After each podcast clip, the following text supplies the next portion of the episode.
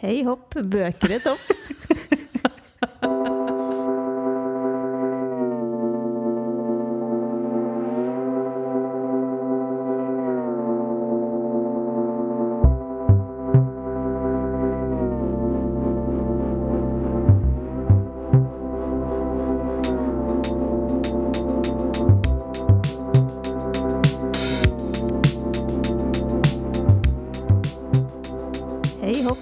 Bøker i topp.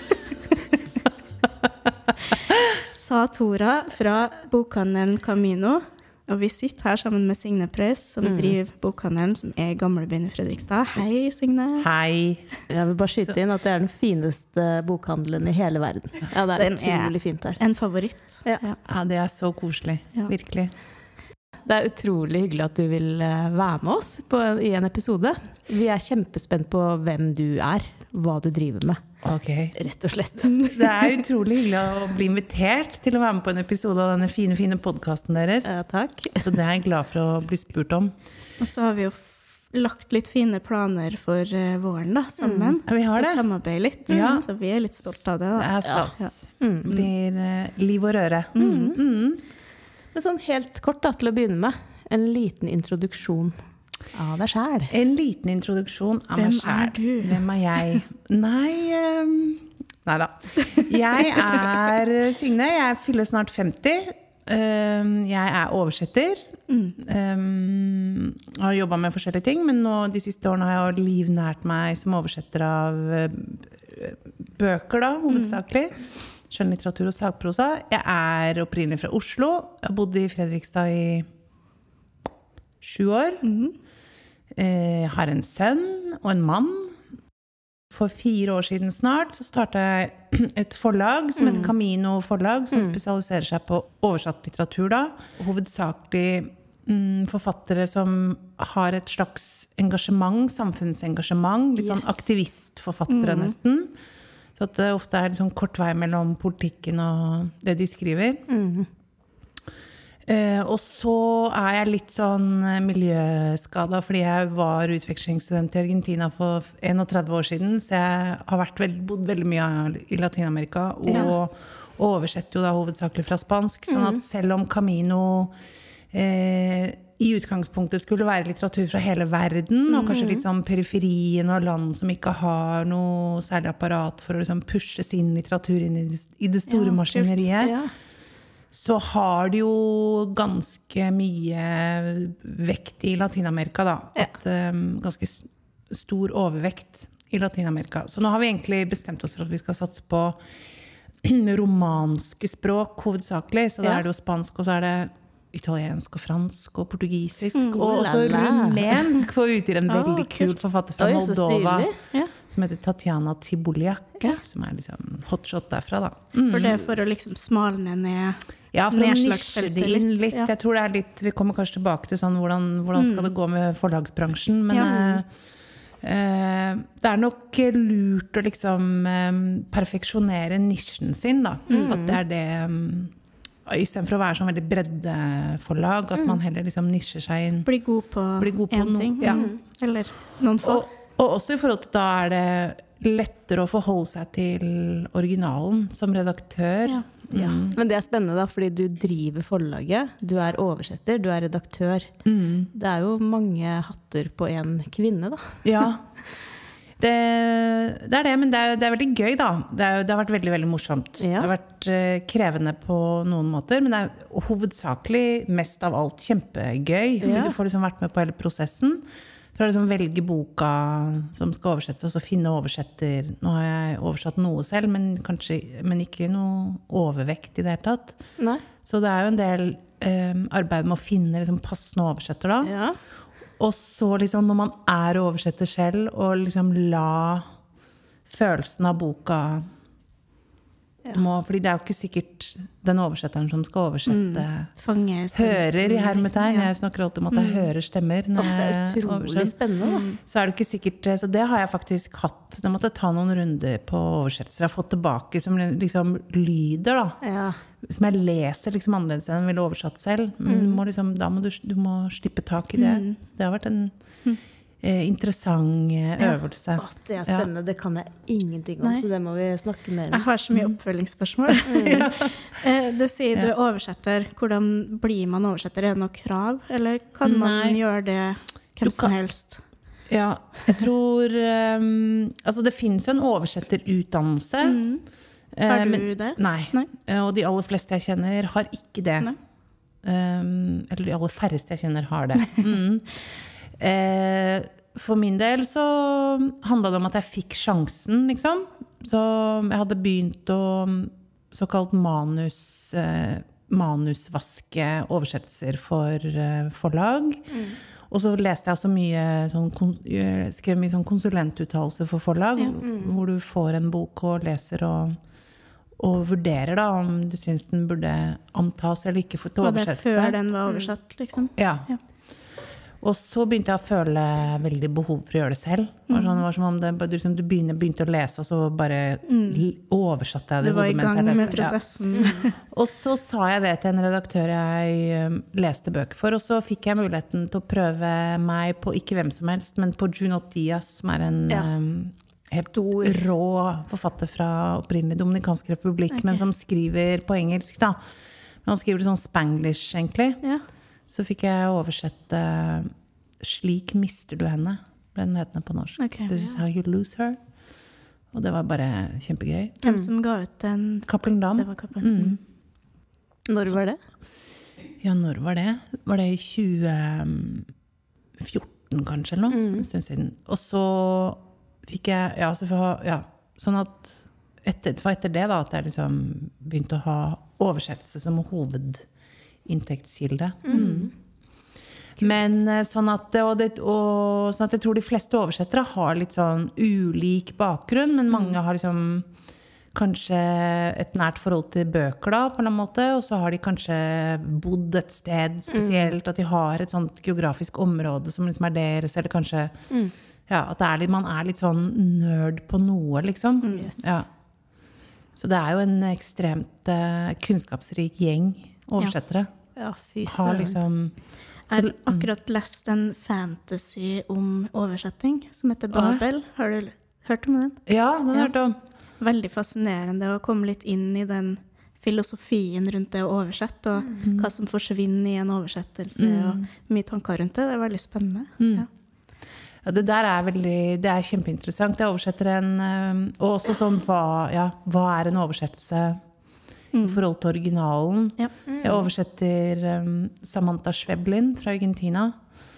Og vi skulle Vi lagde et lite prosjekt sammen. Det var ikke en bok hun hadde skrevet, men en, en sånn lengre artikkel hun skrev om oppveksten sin med en veldig kjent kunstnerbestefar. Vi ble enige om å lage en uh, sånn bookstore exclusive av den, da.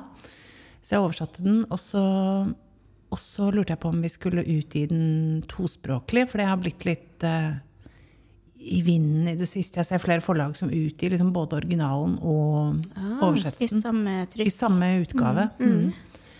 Eh, og da var hun så innmari imot det. Fordi hun mener at de, de, er to, tek altså da, to tekster har bare forskjellig liv, liksom. De hører ikke er nødvendigvis til hverandre. Hun syns ikke hun, Og at hver nye oversettelse for henne er nesten som et nytt verk, liksom. Selv om det er hennes opprinnelige bok, så opplever hun veldig at de har veldig forskjellig eh, særegenhet, da. For det er noe med ja. musikaliteten i språket som blir helt endra. Ja. Og så tror jeg også det har med sånn oversetteren og hva slags eh, kommunikasjon hun har hatt med de, og hva de har lurt på. Det er sånn, hun sier sånn ut fra hva hun, hvilke spørsmål hun har fått. Så får hun nesten liksom følelsen av hvordan det har blitt, liksom. Ja. Altså masse kulturelle koder som kanskje forsvinner. Ja. Mm. Ja. Ja. ja, det har jeg tenkt en del på. Sånne ord... eh, Hva heter det? Ordspråk og sånn. Ja. Hva, hva heter det? Sånn ord... Ordspill. Ordspill heter Ja. det. Sånne ting som er veldig kulturelt betinga. Ja. Hvordan løser du det som oversetter? Ja, det er, det er Det kommer litt an på boka, egentlig, men det er jo det som eh, man eh, Som vi kaller liksom, det er sånn oversetterens sorg, da. De tingene som bare ikke lar seg Det går ikke an. Du, du kan ikke Du får det ikke til. Det, går, det lar seg ikke overføre, liksom. Og så er det forskjell på Noen mener at da kan man liksom bare finne det Hvordan ville du sagt det på norsk? Eh, kanskje hvis det er et ordtak som er eh, Som liksom, Som betyr det samme, da. Men det er klart, eh, hvis det liksom er, har en helt annen form, eller det har ikke humor på samme måte, eller så, passer ikke inn. Nei, så passer det ikke inn. Så ville ikke jeg gjort det, tror jeg. Da ville jeg heller kanskje bare latt det poenget gå, eller ja. Så det, er man, det er veldig sånn opp til hver, hvert så er det vel noen som bruker litt fotnoter og prøver å forklare og sånn òg. Ja. Og det er litt sånn, og det er også sånn delte meninger om det. Er det litt sånn en fallitterklæring, da, hvis du må skrive ting i en fotnote, Ja. liksom? For da står ikke ja. teksten for seg sjøl. Nei, nei. Så det der er en evig debatt uh, vi har. Kjempespennende. Så sånn hvor tett man skal legge seg opp til originalen også, er en sånn evig debatt. Nå tror jeg at norske lesere kan være ganske sikre på at norske oversettere, norske oversettelser, ligger tettere opp mot originalen enn f.eks. engelske oversettelser. Ikke det, Man må ikke stole på en engelsk oversettelse i det hele tatt. Oi, hvorfor ikke? Ja, hvorfor? Nei, de bare tilpasser veldig. Og strømlinjeformer og kutter og forenkler og ja, ja. Ja. Jeg opplevde å få um, Jeg oversatte en utrolig kul bok som heter eh, 'Denne er til deg, Jesusa', av en meksikansk forfatter, journalist som heter Lena Poniatowska. Eh, og da hadde hun redaktøren i Fanfare, som utga den, hun hadde jo lest den på engelsk. Ja. Og sendte meg da det, Men den er skrevet på spansk, så hun sendte meg det spanske manuset, da.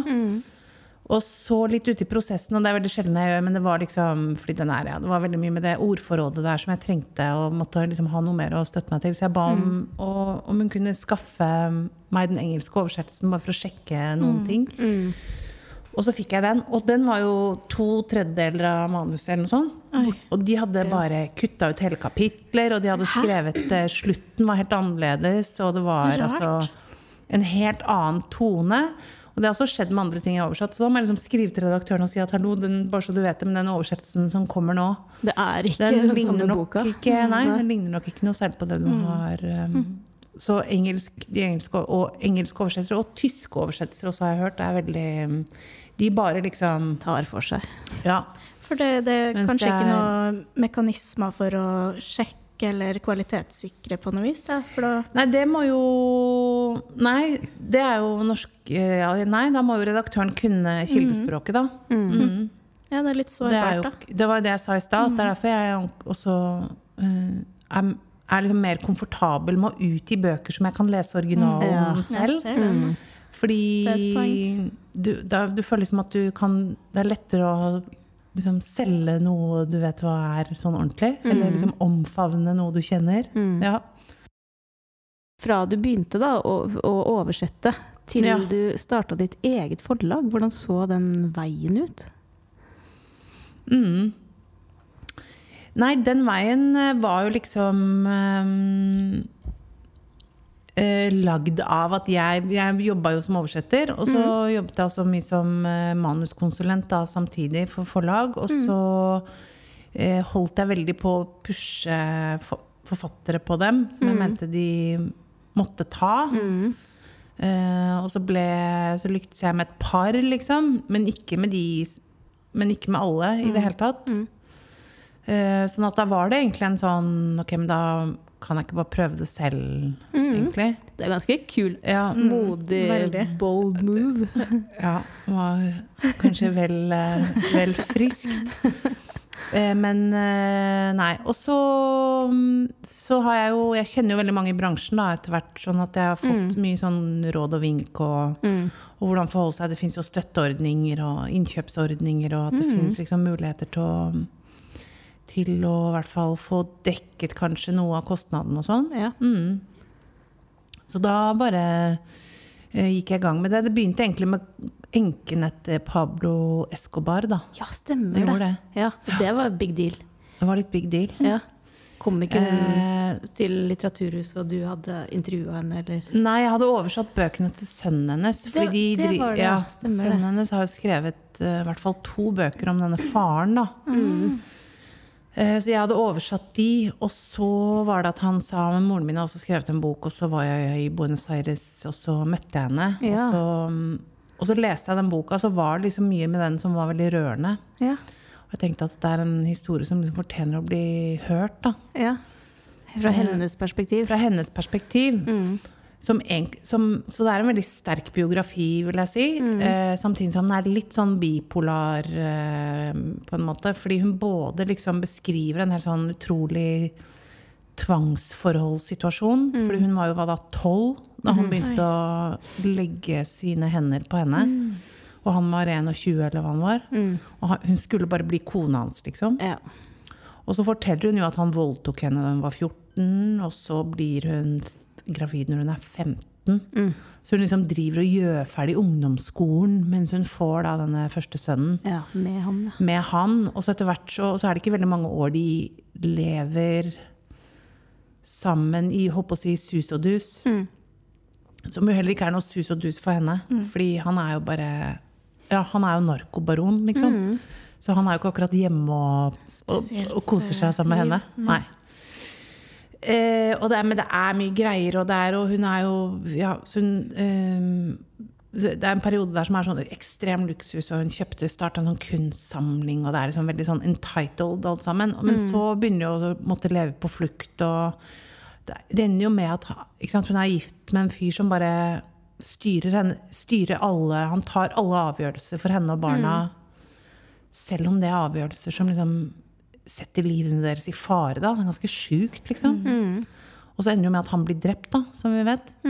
Og så må hun flykte med de ungene, og så bor de i Argentina, og så prøver de å skjule identiteten sin, og så er det bare helt sånn Sånn at eh, det jeg skal fram til, er at hun egentlig er bipolar i den forstand at det er liksom både sånn eh, at eh, han er grusom og forferdelig, og samtidig så er hun så, bruker så mye tid på at han er så fantastisk og fantastisk mann, Opphøyer og ja. opphøyer ham.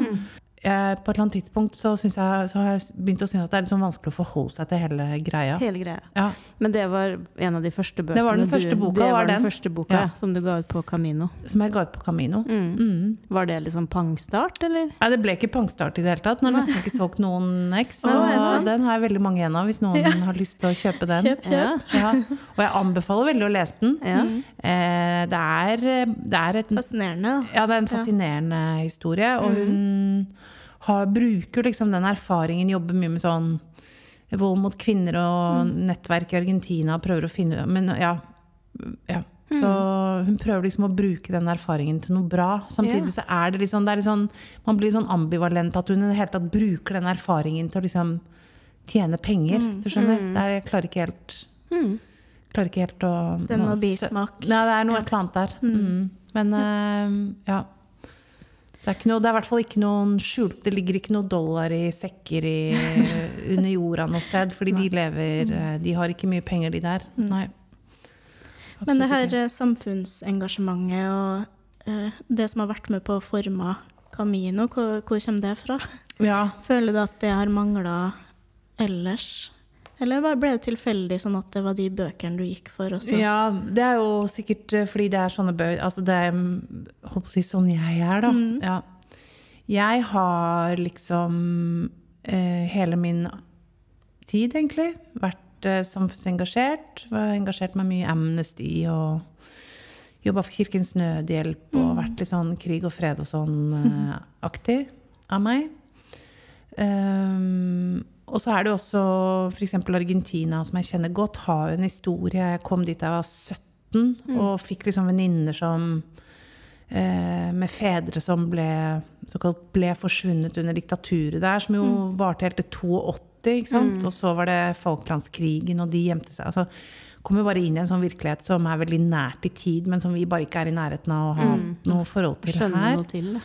Så mm, ja. Og det at jeg kunne begynne å lese ting på spansk også, gjør at da får du liksom tilgang på en litteratur som er sånn, da.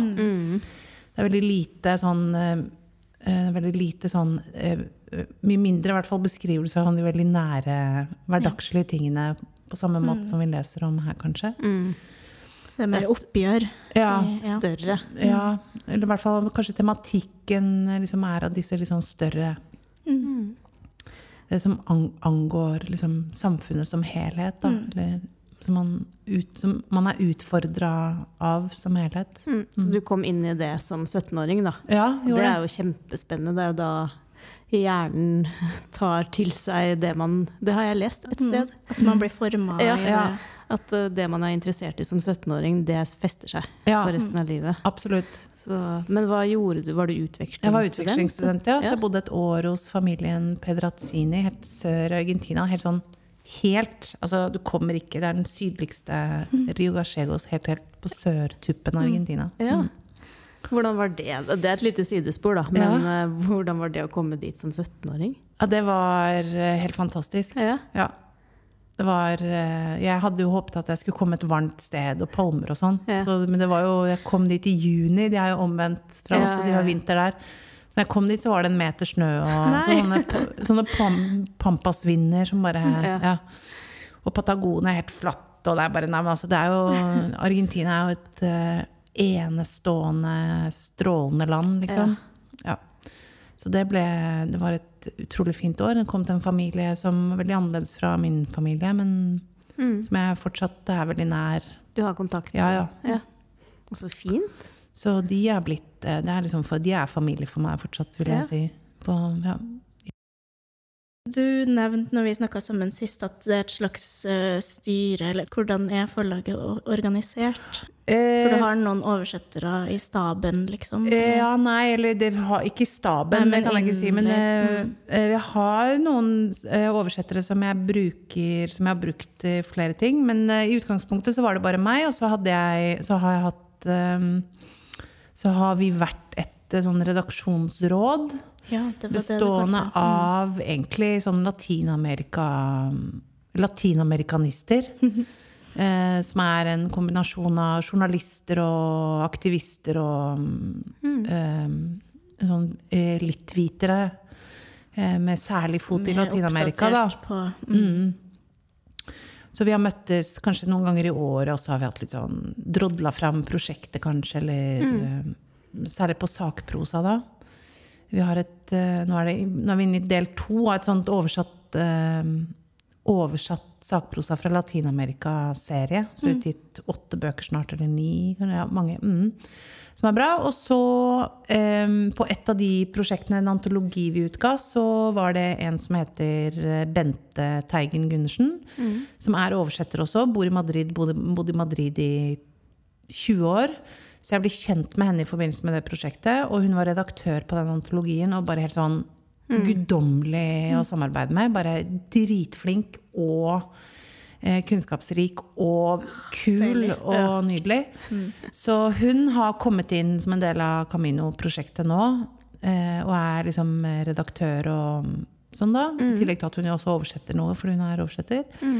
Og så er det Ann Sofie som jobber her i bokhandelen, har vært ekstravakt her. Hun har, jeg, har vi klart å få med på, en sånn, på litt formidling og sånn, da. Så da har vi hjelp til å spre ordet. Eller salg, som det også heter. Ja. ja. Og så er det Linnea som også jobber i bokhandelen her som ekstravakt i helgene og er 18 og en kul, bokinteressert eh, ung dame. Veldig hyggelig. Ja. dame, Ja.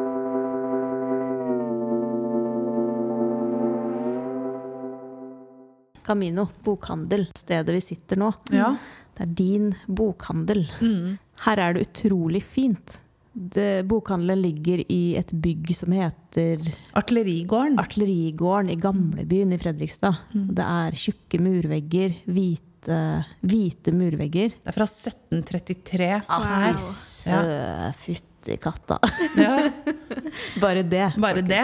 Men det er så utrolig fint her. Det er masse bra kunst på veggene. Det er høyt under taket. Bjelker i taket. Det liker vi. Det er så utrolig god stemning. Vi har lagt ut noen bilder herfra, Kari, hvor du sitter i vinduskarmen og leser. Um, vi trives så godt her, da. Og så når du kommer inn her, så pleier det å spille rolig musikk her. Og Ja, kule er møbler. uh, dype stoler å sitte og lese i. ja. Servering av kaffe og is og Mm. Ja. ja. Det er um, Du har skapt noe bra her. Ja. Ja, det er fint. katta, Ja, for det det- er noe annet. Jeg har liksom hatt lyst til å, at det er en bokhandel med, no, med, med mer. At det Ja. det nettopp er et sånt sted man kommer I hvert fall Vet ikke med dere, men når jeg kommer inn i en sånn bokhandel, en sånn fin, gammel bokhandel Ja. Bare den der følelsen å komme inn til bøker, og bare gå blant bøker. Og ikke du har ikke noe, Det var ikke noe spesielt du skulle ha, liksom. Sånn Men bare den følelsen følelsen av å fi, også finne ting, og så bare at det er sånn Du bare ante ikke at det fantes en bok. Ja. At den boka visste du ikke om. Og, og du får lyst til å lese, og du får lyst til å skrive. Ja. Og da husker jeg jeg bodde i New York, og da var det um, Barnes Nobles før Barnes Nobles Ble- ble, ble helt, ja. Men i hvert fall uansett, da var poenget at man kunne ha, der kan du ha med bøkene. Og de har en kafé, så du kan sitte og lese. Og, Ja. Selv om du ikke har kjøpt de, så kan du sitte og bla i de. Eh, Så litt sånn, da. Og så har vi jo, etter at vi kom inn her, i dette store Vi var på den andre siden av gården først. Ja. Og nå har vi der hvor bokhandelen ligger nå, er dobbelt så stort. Eh, og da, det var jo også litt fordi jeg ville ha mer kafé, men også ha mer arrangementer. Og litt sånn verksteder og kurs, og hatt oversetterkurs. Og ja. Jeg har lyst til å ha skrivekurs og Ja. ha litt sånn shared readings. ja, for det skal vi ha Ja. her, folkens. Det skal vi snakke mer om. Men uh, det er jo helt utrolig fint også. Ja, for du skaper et miljø Ja. rundt Ikke sant? Det kan være et, sånt værested, et litterært værested. Mm. Og, så, og så har jo både forlaget og bokhandelen nettbutikk, da. Ja, Ja, det er viktig å nevne. Ja, det må jeg si. Og for dere som ikke får uh, dratt og sett Camino på dagen nå, så sjekk ut nettbutikken. Mm. Det er så mye spennende bøker. Ikke sant? De ligger eh, inne, alle de. Mm. Er det- Og forlagets, mm, Camino Forlag sine bøker Ja. også. Camino.no. Caminoforlag.no Mm. og caminobok.no. Ja. De hver sin nettside, rett og slett. Mm. Men eh, du skal ha litt arrangementer fremover òg. Mm. Er det noe du kan friste Eh, med? Jeg kan friste med at på selveste skuddårsaften så skal Monica Isakstuen intervjue Thomas Lundbo, som er forfatter og oversetter. Ja, kult. Ja. Og så skal dere ha en shared reading, men det skal dere komme tilbake til. Ja. Ja. Flere shared readings. ja. Og så på 8. mars så skal vi ha 8. mars er det jo kvinnedagen. Og da mm, skal Camino lansere et uh, feministisk manifest fra Chile. Yes. som heter Brenn frykten. Uh, som er et veldig kult kollektiv i Chile som heter Las Tesis. Som ble kjent fordi de, eh, de driver med performance mye, så de bruker liksom kroppen da, for Ja. å formidle budskapet. Og de ble kjent over hele verden. De hadde en performance som heter Un violador en tu camino. Eller En overgriper på din vei. Oi, oi, oi. Eh, som handler om at det er liksom eh, patriarkatet og hele strukturen egentlig som er overgriperen. Da. Og så hadde de en sånn performance var hundrevis og tusenvis av damer. Det var utrolig sterkt. Både Og først i Valparaiso eller ja, sånt i kor. kamprop. Mm. Ja. Først i Chile, og så spredde seg i hele Latin-Amerika. Og så så de New York og ja, ja. Madrid, og til og med Oslo var det en variant. Ja. Så Det de var har veldig sterkt. Det var veldig det er ekstremt sterkt. Og de har skrevet et manifest om det som er utfordringene Eller det som på en måte er eh, vinklingene eller eh, hovedutfordringene for kvinnebevegelsen i Latin-Amerika. da. Så den har vi oversatt. Så den blir utgitt 8. mars. og Da skal vi samles her i bokhandelen. Da kommer det noen flere som også jobber for eh, med ulike rettighetsområder i Latin-Amerika. Colombia og Guatemala særlig. Og så får vi antagelig eh, eh, også med oss en gjeng fra Ukraina. Ja. Kvinne, en gjeng kvinner her eh, som også møtes for å sy. For det temaet er nemlig at vi skal sy sånne lapper, eller lage et lappeteppe, eller lage en lappeutstilling. Brodere Kan vi liksom samle opp 8. mars-inspirerte mm -hmm. eh, ting og lage en utstilling her. Og så tror vi også det kommer en Eller vi jobber i hvert fall Snakker nå for å få på plass. Plakaten kommer snart. Eh, en gruppe kvinner fra Afghanistan, og også Palestina nå. Mhm. Så det blir litt sånn ymse her, da. Jeg gleder meg til det arrangementet. Ja. Ja, Brodere litt og møtes litt sånn internasjonalt. Ja. Ja. Tror jeg kan bli litt fint. Mm. Fordi 8. mars er viktig over hele verden. Ja. Mm. Og ikke bare sånn der gi rosa til kona di på Nei, ikke sant. Ja, da kan jeg ta oppvasken liksom, på 8. wow. mars. Ja, wow. Og, Men da skal jeg ha biff og blowjob Blowjob day etter, ja. i stedet. Ja, BB-dagen. det er helt forferdelig. Men at 8. mars fortsatt betyr noe, Ja. det er fint. Ja. Mm. Og, det, og var, det var litt rørende egentlig nesten å se Det var noen par uker siden nå at det ble mobilisert foran Stortinget. De har kalt det 'Ikke én til'. Mm. eh, Som er et ekko egentlig av en bevegelse i Latin-Amerika som heter Ni una menos. Som egentlig direkte oversatt betyr ikke en Vi har ikke råd til å miste en til, da. Ja, men de har, mm. Fordi som en reaksjon på alle de drapene som har vært nå etter nyttår. Det er dem som har snakka mye om omvendt voldsalarm og sånn. Ja. Fordi i de latinamerikanske samfunnene så bruker man begrepet femicid, da, femicidio, femicide. Mm. Som jo handler om at kvinner blir drept fordi de er kvinner. De blir ikke menn. Det, blir jo drept mange flere menn enn det blir drept kvinner. Men menn blir jo ofte drept fordi de er i krig, eller fordi de er involvert i liksom, gjenger, eller fordi det er liksom, kriminalitet på en annen måte. Mens kvinner ofte blir Nære drept relasjoner. ja, fordi de er kvinner. Mm. Så det mm, eh, Ja. Sånn at det var holdt på å si, litt rørende å se at den bevegelsen At det liksom At eh, det mobiliseres, da. Mm. Tror det er viktig. Ja, Det er viktig, ja. Fordi det, man begynner å telle. det er sånn, vi, Camilla har utgitt en bok som heter 'Døde jenter', som handler om kvinnedrap, da, som vi har kalt det her, eller femicid.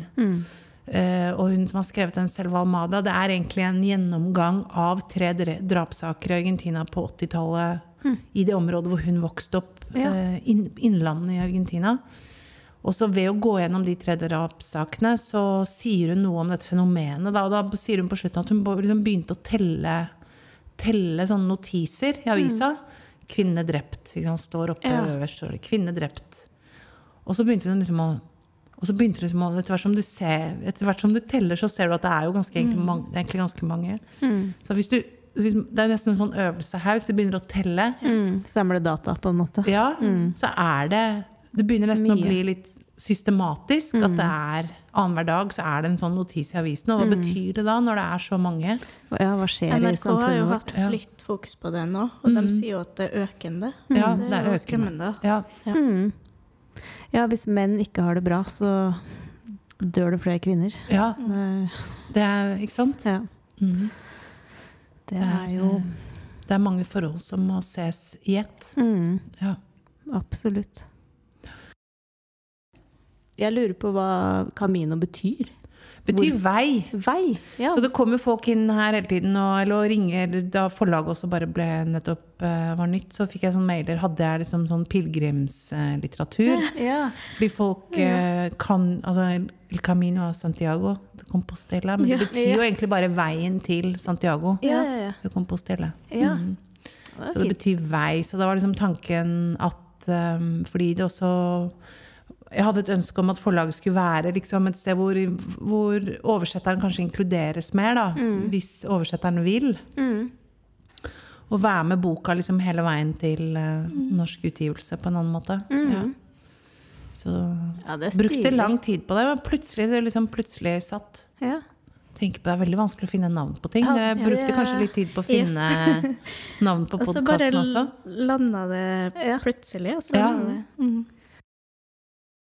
Fun facts om deg, Signe. Er det noe annet du brenner for enn eh, samfunnsengasjement og litteratur? Er det liksom, Driver du med motorsykkel på fritida, Nei, eller noe det sånt? gjør jeg ikke. Men jeg er helt sånn badstue og hav, Ja. sjøbad, Ja, du gal. Isbading og sånn? Jeg er det, Ja. altså. Så jeg bare Nå Det, er, det må jeg si, jeg er nesten eh, Det tristeste med Fredrikstad Mm. er at ikke noen bare får ut fingeren og lager et sånt sted Ja. her. Badstue Det har vært litt debatt på med- hvor og når og Ja, men som ikke er Hallo, det er jo kyst hele veien. Det må jo ikke ligge i Glomma. Ja. Vi vil jo ha saltvann. Det er Ja. det vi vil ha. Yes. Men med kyst alle steder, liksom. Kom an. Ja. Ja. Så nå er det blitt sånn når jeg er i Oslo, hvis jeg skal på møte, så tar jeg tog inn, og så booker jeg sånn at jeg kan gå og ta Å, ja. Eller møte med sånn eh, Jeg hadde nå Anitra Figenschou, som driver Figenschou, som Ja. er en kollega og venninne. Så vi skulle møtes og snakke om noen ting, og da møttes vi og tok badstue og bada. Det er bare Nydelig. Nå har de fått et sted i Moss, så vi kjører dit og tar badstue og bader. Ja. Ja. Så det er jo Det galskap, elsker spør du meg. Nei, det er ikke galskap. Det er en måte å komme seg gjennom vinteren på. Ja. Og livet. Ja. Vinteren slash livet. Ja. Kan skrubbe bort det du ikke trenger, og bare få eh, blod til å rushe rundt. Dyppe kroppen i iskaldt vann. Ja, og saltvann bare hele året. Det, jo, det fins ikke noe bedre. Renselse. Ja, det er renselse. Det er det absolutt. Jeg hører veldig mange som blir bitt av den basillen Ja. og blir helt frelst på det. Ja, ja, det må jo ja. være noe spesielt med det. Så hver gang jeg får forfattere på besøk her, så er de jo ofte fra Argentina og Latin-Amerika. Da, og så prøver jeg å tvinge de ut i badstue og sjøen, og de bare ser på deg. Bare sånn, ikke. Ja, ja, er Jeg lyktes med å få én til å være med på sånn nudiststrand. Vi var på huk da hun var her i juni, men uh, bortsett fra det så har det ikke gått så bra, rett og slett. De Og det noe samarbeidet fortsatt uh, Ja. Så nå tenker jeg at jeg må bli en sånn forlegger som liksom Det får være minstemål, liksom. Du må- At jeg har vært på det nudiststrand eller et Må bade naken sammen med forleggeren. Det, det er Det høres ikke så bra ut når du sier det Nei, sånn. det er sånn tynn Ja, det er en fin balanse fin der, balanse, du. grense Nå kommer det en veldig søt eh, journalist fra El Salvador i februar. Få se hva han er villig til å bli med på. Spennende. Du får tipse Ja, oss det om hvordan det går. Jeg skal si fra hvordan det gikk. Men det er jo også nakenbading, skjønner jeg. Det driver jeg med sjøl. Ja, Det pleier å ja da. gjøre Nei, litt på Merrapanna. Ja. det er ikke Det er så mye rare navn her i Fredrikstad. sånn. Ja, da. Det er ikke noen nakenstrender. Det er ikke noen dis- nudiststrender i Nei, det er ikke, Nei. ikke som jeg vet om. Nei.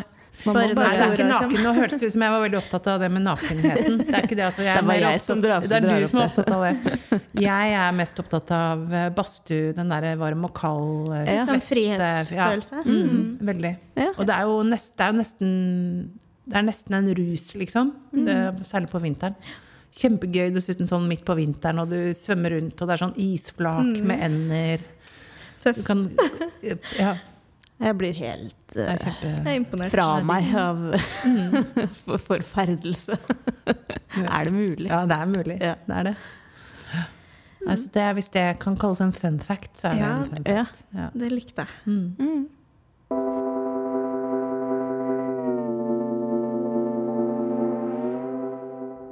Å være et nisjeforlag, da. Mm. Nå blir jo bokbransjen mer og mer kommersialisert. De store kommersielle forlagskonsernene kjøper opp Kjøper jo opp de små, Ja. ikke sant? fordi det er så vanskelig å få det til å gå rundt. Og det merker vi jo veldig på. Eh, så det jeg kan si, er at det, det har fungert veldig Det har vært veldig lurt å starte en bokhandel, fordi det har generert liksom penger inn i AS-et da, som kan liksom spres ut til alle AS-ets aktiviteter, på en måte. yes. Eller bokutgivelser, da. Som vi, mhm. eh, men, eh, men sånn at eh, det, det, mm, det vi liksom har egentlig lagt litt sånn ære i nå med Camino, er at vi skal prøve å være et alternativ til det kommersielle maskineriet som er ellers. At vi ikke tar Vi kjøper Vi har ikke noen Vi har ikke kjøpt inn noen bøker på pitch fra en agent, f.eks. Og det er kult. Eller at vi prøver liksom å At det bare er liksom, Det er sånne skatter som vi har funnet selv, da. Mm. Eh, selv om selvfølgelig forfatterne har jo agenter og trenger å ha agenter, så ja. Men det er liksom et Det maskineriet blir bare, sånn bare mer og mer uh, ukult, kanskje. Ja. Ja. For det, det, det- for det leder meg inn i det spørsmålet som jeg har liksom skrevet opp til i dag. Liksom bokbransjen for dummies. Hvordan funker bokbransjen? Altså fra du gir ut noe, og så er det oppkjøp og ulike ordninger, og så er det promo og salg. Og ja. noe, kan du si noe om det?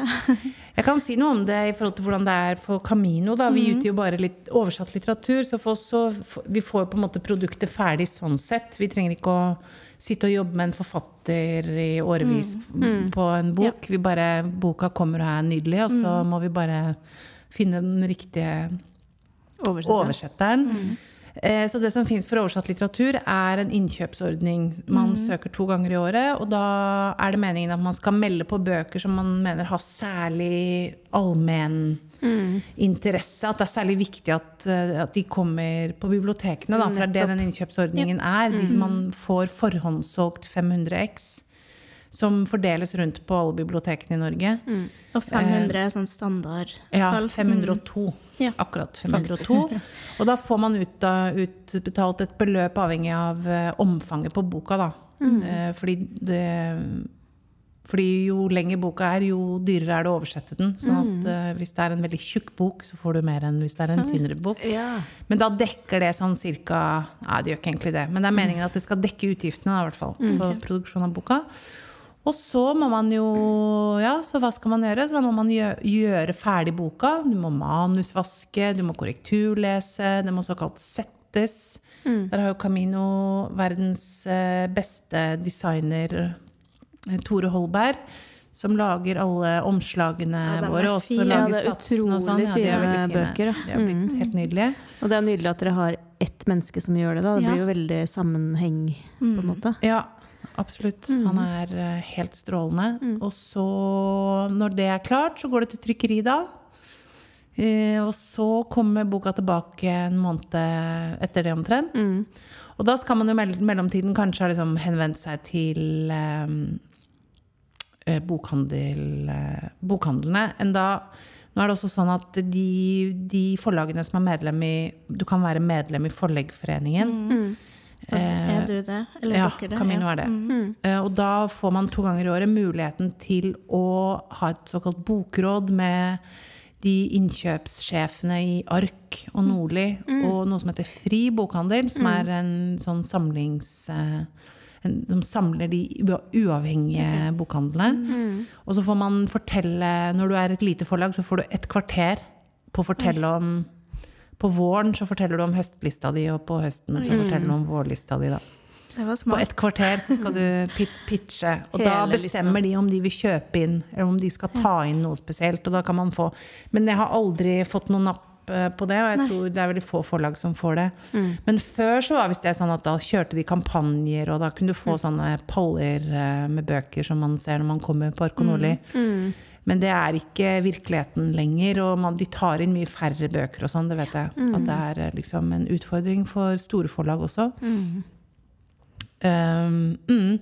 Og så, men før, bo, ja, så før boka kommer i salg, så må man jo kanskje gjerne liksom ha solgt den inn til avisredaksjoner og mm. kanskje Omtale. omtale de som kan skrive, lese og skrive pent om de. Instagram, bookstagrammere er det jo mye av, så jeg får mye henvendelser fra folk som eh, har sånn bookstagram-kontoer. Eh, Som ønsker leseeksemplar. og- ja, som får leseeksemplar og sånn. Eh, hadde jeg vært litt yngre, så hadde jeg kanskje kastet meg på TikTok-bølgen. Men det tror jeg bare vil eh, det, er, det bare syns så fort når den som driver med det, ikke egentlig kan det. Og så må, Godt man poeng. være, så må man være så um, aktiv for ja, å få med seg alle de her Ja. trendene. Og, Ja, nei, så jeg er liksom ikke helt der. Men eh, nei. Men det er Også- du som gjør alt, da. Ja, det har vært jeg som har gjort alt, ja. Mm. Eh, Nå, gjør, nå er vi jo tre da, som kan holde på med dette lite grann. Men det som er en utfordring i den norske bokbransjen, er at eh, Ark og Nordli er eid av eh, Aschehoug og Gyldendal. Eh, og Cappelen Dam. Men nå eier jeg vel ikke Cappelen Dam. Og nå ble jeg i tvil. Jeg tror de fortsatt eier Nei, de solgte ut. Vet ikke. Husker ikke. Dette burde jeg vite, men ja. Det er de store forlagene de som store eier forlagene eh, de store eier bokhandlene. også bokhandlene. Og de eier også distribusjonsselskapene. Ja. Eh, og de eier også Bokbasen, som er et sånt eh, oppsøkbart Det er en sånn database som Marco Nordli bruker til å ta inn bøker. Bestille bøkene sine gjennom. Eh, sånn at det heter eh, vertikal eh, integrasjon. Og det som egentlig det betyr, er at eh, f.eks. de veldig høye forhandlerrabattene som Marco Nordli skal ha Camino, f.eks. opptil 50 forhandlerrabatt, eh, det går jo da som jo gjør at man sitter igjen med veldig lite av bokkrona, og så Ja. koster det kanskje 15% av en bok går ut i distribusjonskostnader. Så er det ganske mye av bokkrona som går til konkurrerende forlag. Og en annen utfordring med det er jo at um, de nok bruker den posisjonen og det eierskapet til å pushe de forhandlerrabattene betydelig. Eh, fordi de kan jo selge sine bøker til bokhandelkjeden de eier. med veldig veldig høy rabatt, fordi de Ja. pengene kommer jo inn i konsernet et annet sted. Det er jo bare å flytte penger rundt det. Så det er en, eh, det er en veldig Det er en stor utfordring for små, uavhengige forlag. Og det er også en utfordring for små, uavhengige bokhandler, bokhandlere at det eierskapsforholdet er som det er, da.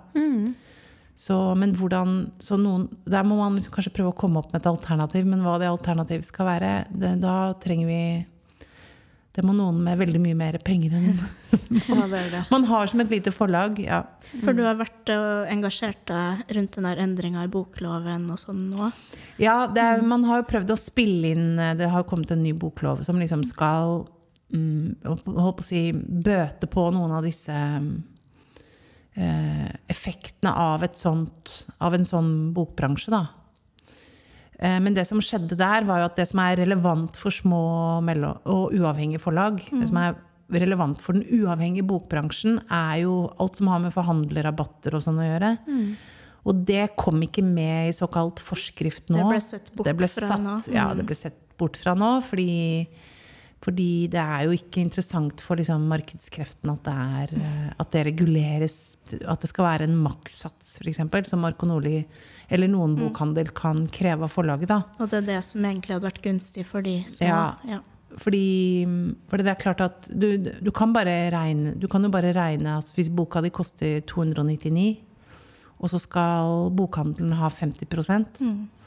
og så skal distribusjonsselskapet ha 15 og så skal forfatteren kanskje ha 10 og så skal du betale for oversettelse, og så skal du betale for redaksjonelt arbeid, og så skal du betale for trykk.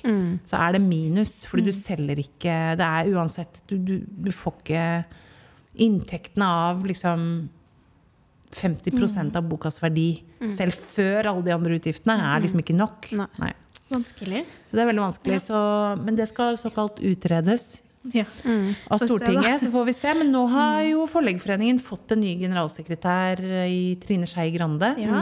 Som jo er ekstremt øh, opptatt av litteratur. Og jeg har ikke helt klart for meg hvordan hun har stilt seg til dette boklovsarbeidet i fortiden. Men det får vi kanskje Ja. Sånn at det, det og, Tiden vil vise. Ja. Vi må ringe henne. Må ringe henne. Kan ikke dere intervjue henne, da? Jo, Det hadde vært interessant. Det kan vi faktisk. gjøre. Ja. Ja. ja. Mm. Interessant. Notert. Interessant. Det er notert. Notert. Mm. Notert. Ja. Det, er altså, Ja, det er det, det er litt håp, fordi den der Forleggerforeningen er jo også de som det, er, det representerer jo Det er jo de aller, aller fleste medlemsforlagene der er jo små, uavhengige forlag. Mm. Men de er jo der, de store, ikke sant? Og, de, og hvem er det som bestemmer egentlig hva Forleggerforeningen skal mene? Nå snakker jeg veldig fritt, liksom. Men det er Mm. Nok ja. veldig bra at eh, det er, ja, vi, har vært, vi har lurt på, i hvert fall mange av oss, Mm. hvem det er som skal komme og ta over den jobben der. Mm. Fordi medlems, eh, en medlemsorganisasjon som Forleggerforeningen selv om de har jo, får jo sikkert mye høyere medlemskontingent fra Cappelen Dam enn de får fra Camino, eh, så skal du representere alle da. Så det er jo en skvis når de store medlemsforlagene også eier mm. de, de skal sitte og forhandle med Bokhandelforeningen, Jeg så liksom. jo også at styret i den foreninga Det er mye av de største aktørene. Ja, det er jo det. også. Ja, det er det. Så det er jo mm. Men eh, man må jo Det er lett å bli litt konspiratorisk. Men jeg tenker at man må jo tenke at eh, folk vil det beste for bokmangfoldet. Ja. Men det er klart, Så. vi har jo jobba i bokhandel. Vi snakka litt om det sist da vi møttes. Mm. Eh, jeg syns jo jeg så på de få årene jeg jobba der, så at det ble mer og mer fokus på de bestselgerlistene. Det ble færre og færre titler i hyllene, Mm. og flere og flere av de samme bøkene. Store bunkene, ja. Ja. Ja, Det er jo en trist det, trend, da. Ja, det er veldig trist. Og det, nå har jeg sagt dette før i et intervju, intervju jeg har vært òg, men folk kommer jo inn her i denne bokhandelen, og så er det helt sånn «Åh, Har du bare sånne annerledes bøker? Ja. Og da er det jo ikke annerledes bøker, det er jo bare liksom et, et Det er jo små og mellomstore norske forlag hovedsakelig. Det er et representativt utvalg. Jeg tror det. Og, og, og, og bøker som liksom aldri står framme på Arko Nordli, fordi de liksom, man tror liksom at det man får se der, er det som er bokbransjen, eller det som utgis i bøker, og det Ja, er og jo de ikke det. kampanjene som blir kjørt, er så svære. Ja. Man bruker så mye penger på kampanje på de fem bøkene de velger å pushe, Ja. eller Ja. noe sånt. Så det blir jo en enorm forskjell, da. Mm. Men nå før siste Det var en sånn siste høringsfrist for bokloven før den trådte i kraft eh, 1. januar. Og da var vi over 30, faktisk. Uavhengige forlag og bokhandlere. Så Ja, det var alt fra Skald forlag, som utgir jo bøker på nynorsk, Ja. og No Comprendo og Pelikanen og Figenschou og et ganske sånn bredt eh, og stort utvalg eh, humanistforlag. Mm. Både, eh, og Solum, som er ganske store. Stort, ja. Mm. Mm. Men også Tronsmo og Boksalongen i Bergen og, Ja. og Bislett Bok og Camino, da. Mm. Eh, fordi vi har lyst til å se om vi gjennom å opprette et sånt forum, da, vi har kalt det Forum for uavhengige aktører i bokbransjen, Mm. eh, vise at det er faktisk en betydelig stemme som trenger å høres inn i når det skal forhandles i fremtiden da, om Yes. eh, rabattak og sånne ting. Hvordan skal, hvordan skal Arko Nordli forholde seg til bokbransjen? Ja. Fordi vi tror ikke nødvendigvis at konfliktlinjene går mellom bokhandel og forlag, men at det går mellom å si, liten og stor, eller eier og ikke-eier, da. Mm. Det jeg lurer på, da, er det noen, har du noen yndlingsbøker? Det er jo et kjempevanskelig spørsmål. Hater å få det spørsmålet selv. Det er så mye bra. Hver nye bok er en yndlingsbok, på en Ja. Men har du noe som står ut? Noe som har liksom vært med på forme deg, som jeg er opptatt av, da? Mm. Ah, det blir sånn krig og fred og sånne ting. Jeg husker jeg studerte spansk, så leste vi 'Latin-Amerikas åpne årer' av Eduardo Galeano. En sosialantropolog fra Uruguay. Ja. Eh, som egentlig, det er en sånn gjennomgang av Latin-Amerikas historie og litt sånn frigjøringsteologi og eh, frigjøringsbevegelser eh, der. Den uh, har gjort stort inntrykk på Ja. meg. Den satte seg liksom uh, veldig for evig og alltid. ja. Kult. Av skjønnlitteratur så er det sånn en plutselig frigjørende tanke og mye noveller. Veldig Ja. glad i noveller. En plutselig frigjørende tanke av Kjell Askelsen. Selvfølgelig. Ja. var det jeg skulle fram til. Ja, en av mine jeg elsker han. Han er nydelig. Ja. Han, og det, han minner meg faktisk litt om eh, Nei, jeg liker Nei. Hun Samantha Schweblin som jeg nevnte i stad, er litt Jeg får litt sånn samme følelsen av henne, egentlig. Askelsen-fil. Ja. Mm. Um, og så hadde jeg sånn epiphany-oppdagelse av Garcia Marquez da jeg leste ham på spansk. For jeg hadde lest ham på norsk. Ja. Så det var liksom mitt første forhold til oversettelse var da jeg begynte å lese ham på spansk og skjønte hvor utrolig eh, annerledes eh, Ja. var. Ja. Enn de oversettelsene er ikke spesielt gode, rett og slett. Så hvis noen eh, har lyst til å gjenoversette han, så burde de gjøre det. Go for it. Go for it. En Ja. skriving, da. Du har jo oversatt ting, men har du skrevet noe sjøl? Eller liker Jeg jobba som frilansjournalist i mange år. Ja. Ja, så jeg har skrevet mye, skrevet mye for Bistandsaktuelt og skrevet for nesten alle aviser i Norge. Skrevet mye for Innsikt. Aftenposten Innsikt. Eh, så sånn har jeg skrevet. Og så skriver jeg. Jeg har, driver og skriver hele tiden, men jeg har ikke, ikke som jeg har vist til noen, nei. Nei. nei. Har du ambisjoner om å Nei, vise noe til noen? Ikke ambisjoner om det. Nei. Det er bare noe som driver deg til å skrive. Ja, det er en sånn fysisk følelse. Det, er, det er veldig rart. Mm. Man må det, liksom. Mm. Ja, det er en måte Eh, å leve på. ja. Ja. Men jeg har alltid skrevet der sånn jeg var liten. Jeg husker faren min Da jobba han i det som nå er Kirkens Bymisjon, som het Oslo Indremisjon. Ja. Og da, da var jeg med han på jobben, og så fikk jeg lage avis. Jeg lagde avis eh, Hadde liksom akkurat lært meg å ja.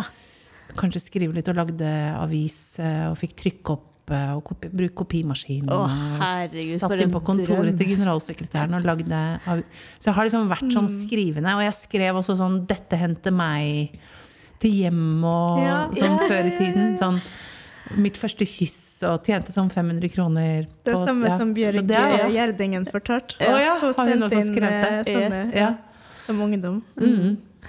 Og jeg tror hun løy på seg litt Ja, jeg har også løy Ja. på masse historier, men det var, eh, og det, ja, det var husker jeg sånn se ting på trykk, liksom. Det var Ja, ja. fantastisk, da. Fikk inn noen hundrelapper på det. Ja, ja, gjorde det.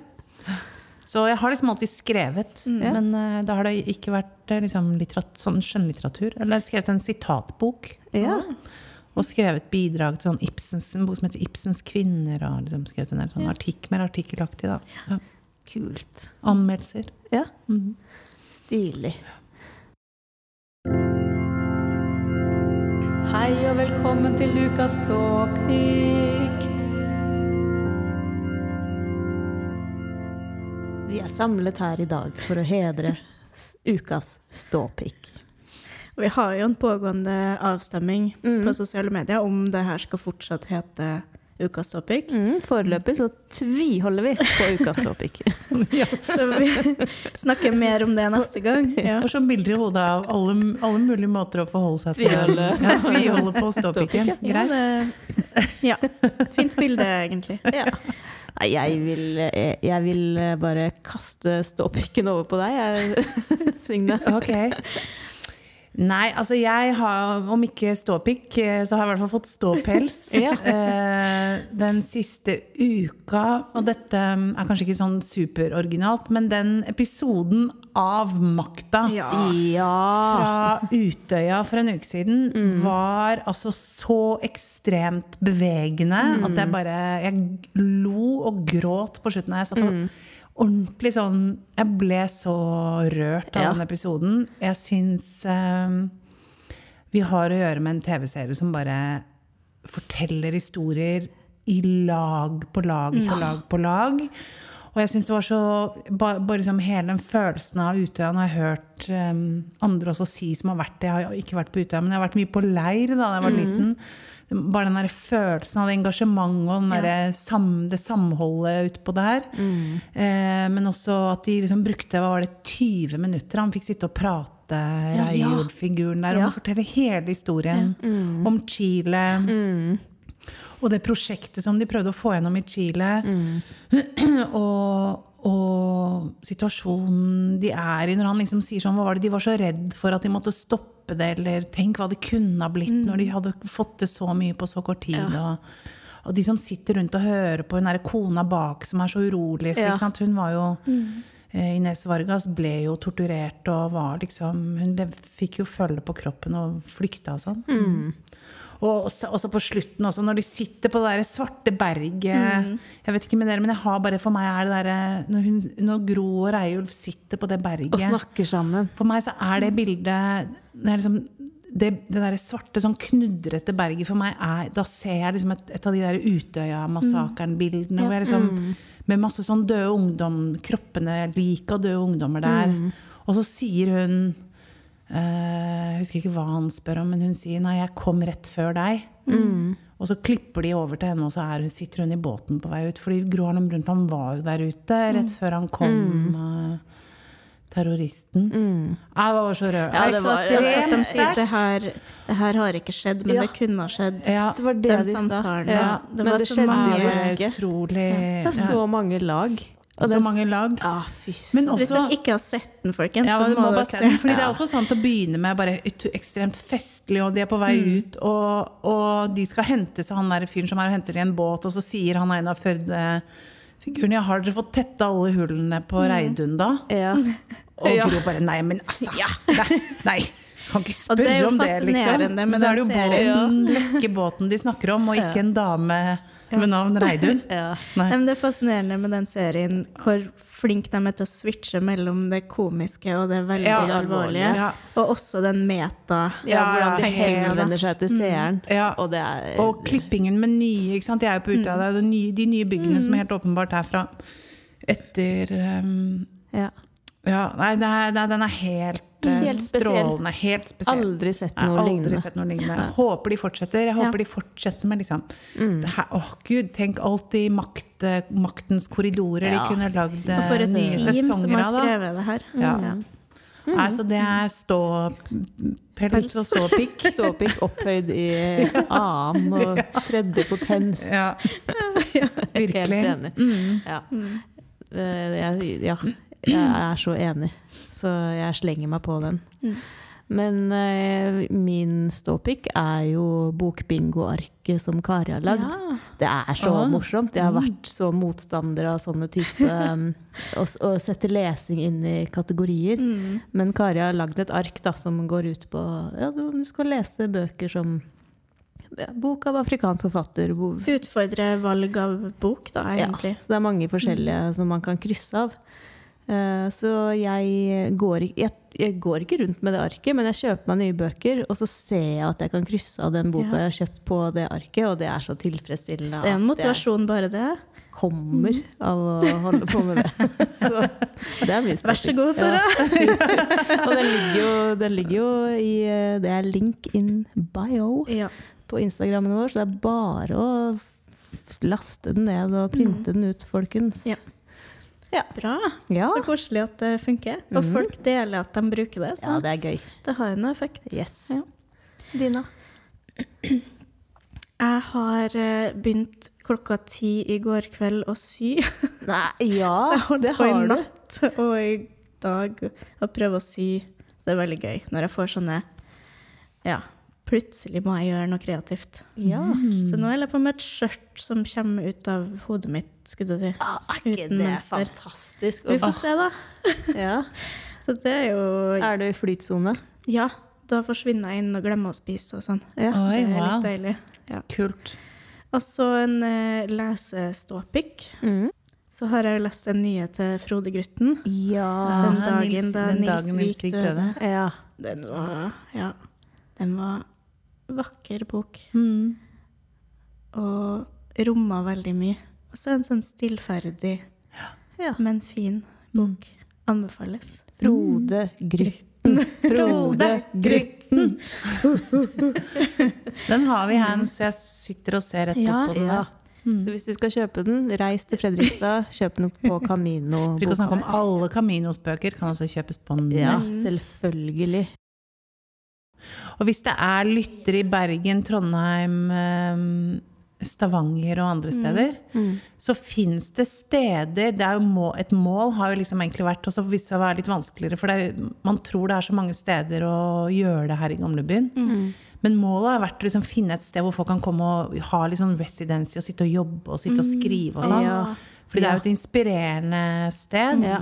Så hvis lytterne hører dette, så kan de ta kontakt. Så kan vi prøve å hjelpe dem å finne et sted Ja. å være. ja. Fordi det fins, jeg har noen kontakter. Ja. Yes. Mm. Tusen takk, Signe, for at du ville snakke med oss. Veldig, veldig fint å høre hva du driver med, og hva du brenner for, og om engasjementet ditt. Det er veldig smittende, syns jeg. Veldig hyggelig å høre. Tusen takk for at jeg ble invitert. Dere er fine, fine å prate med. Takk for samtalen. Takk selv.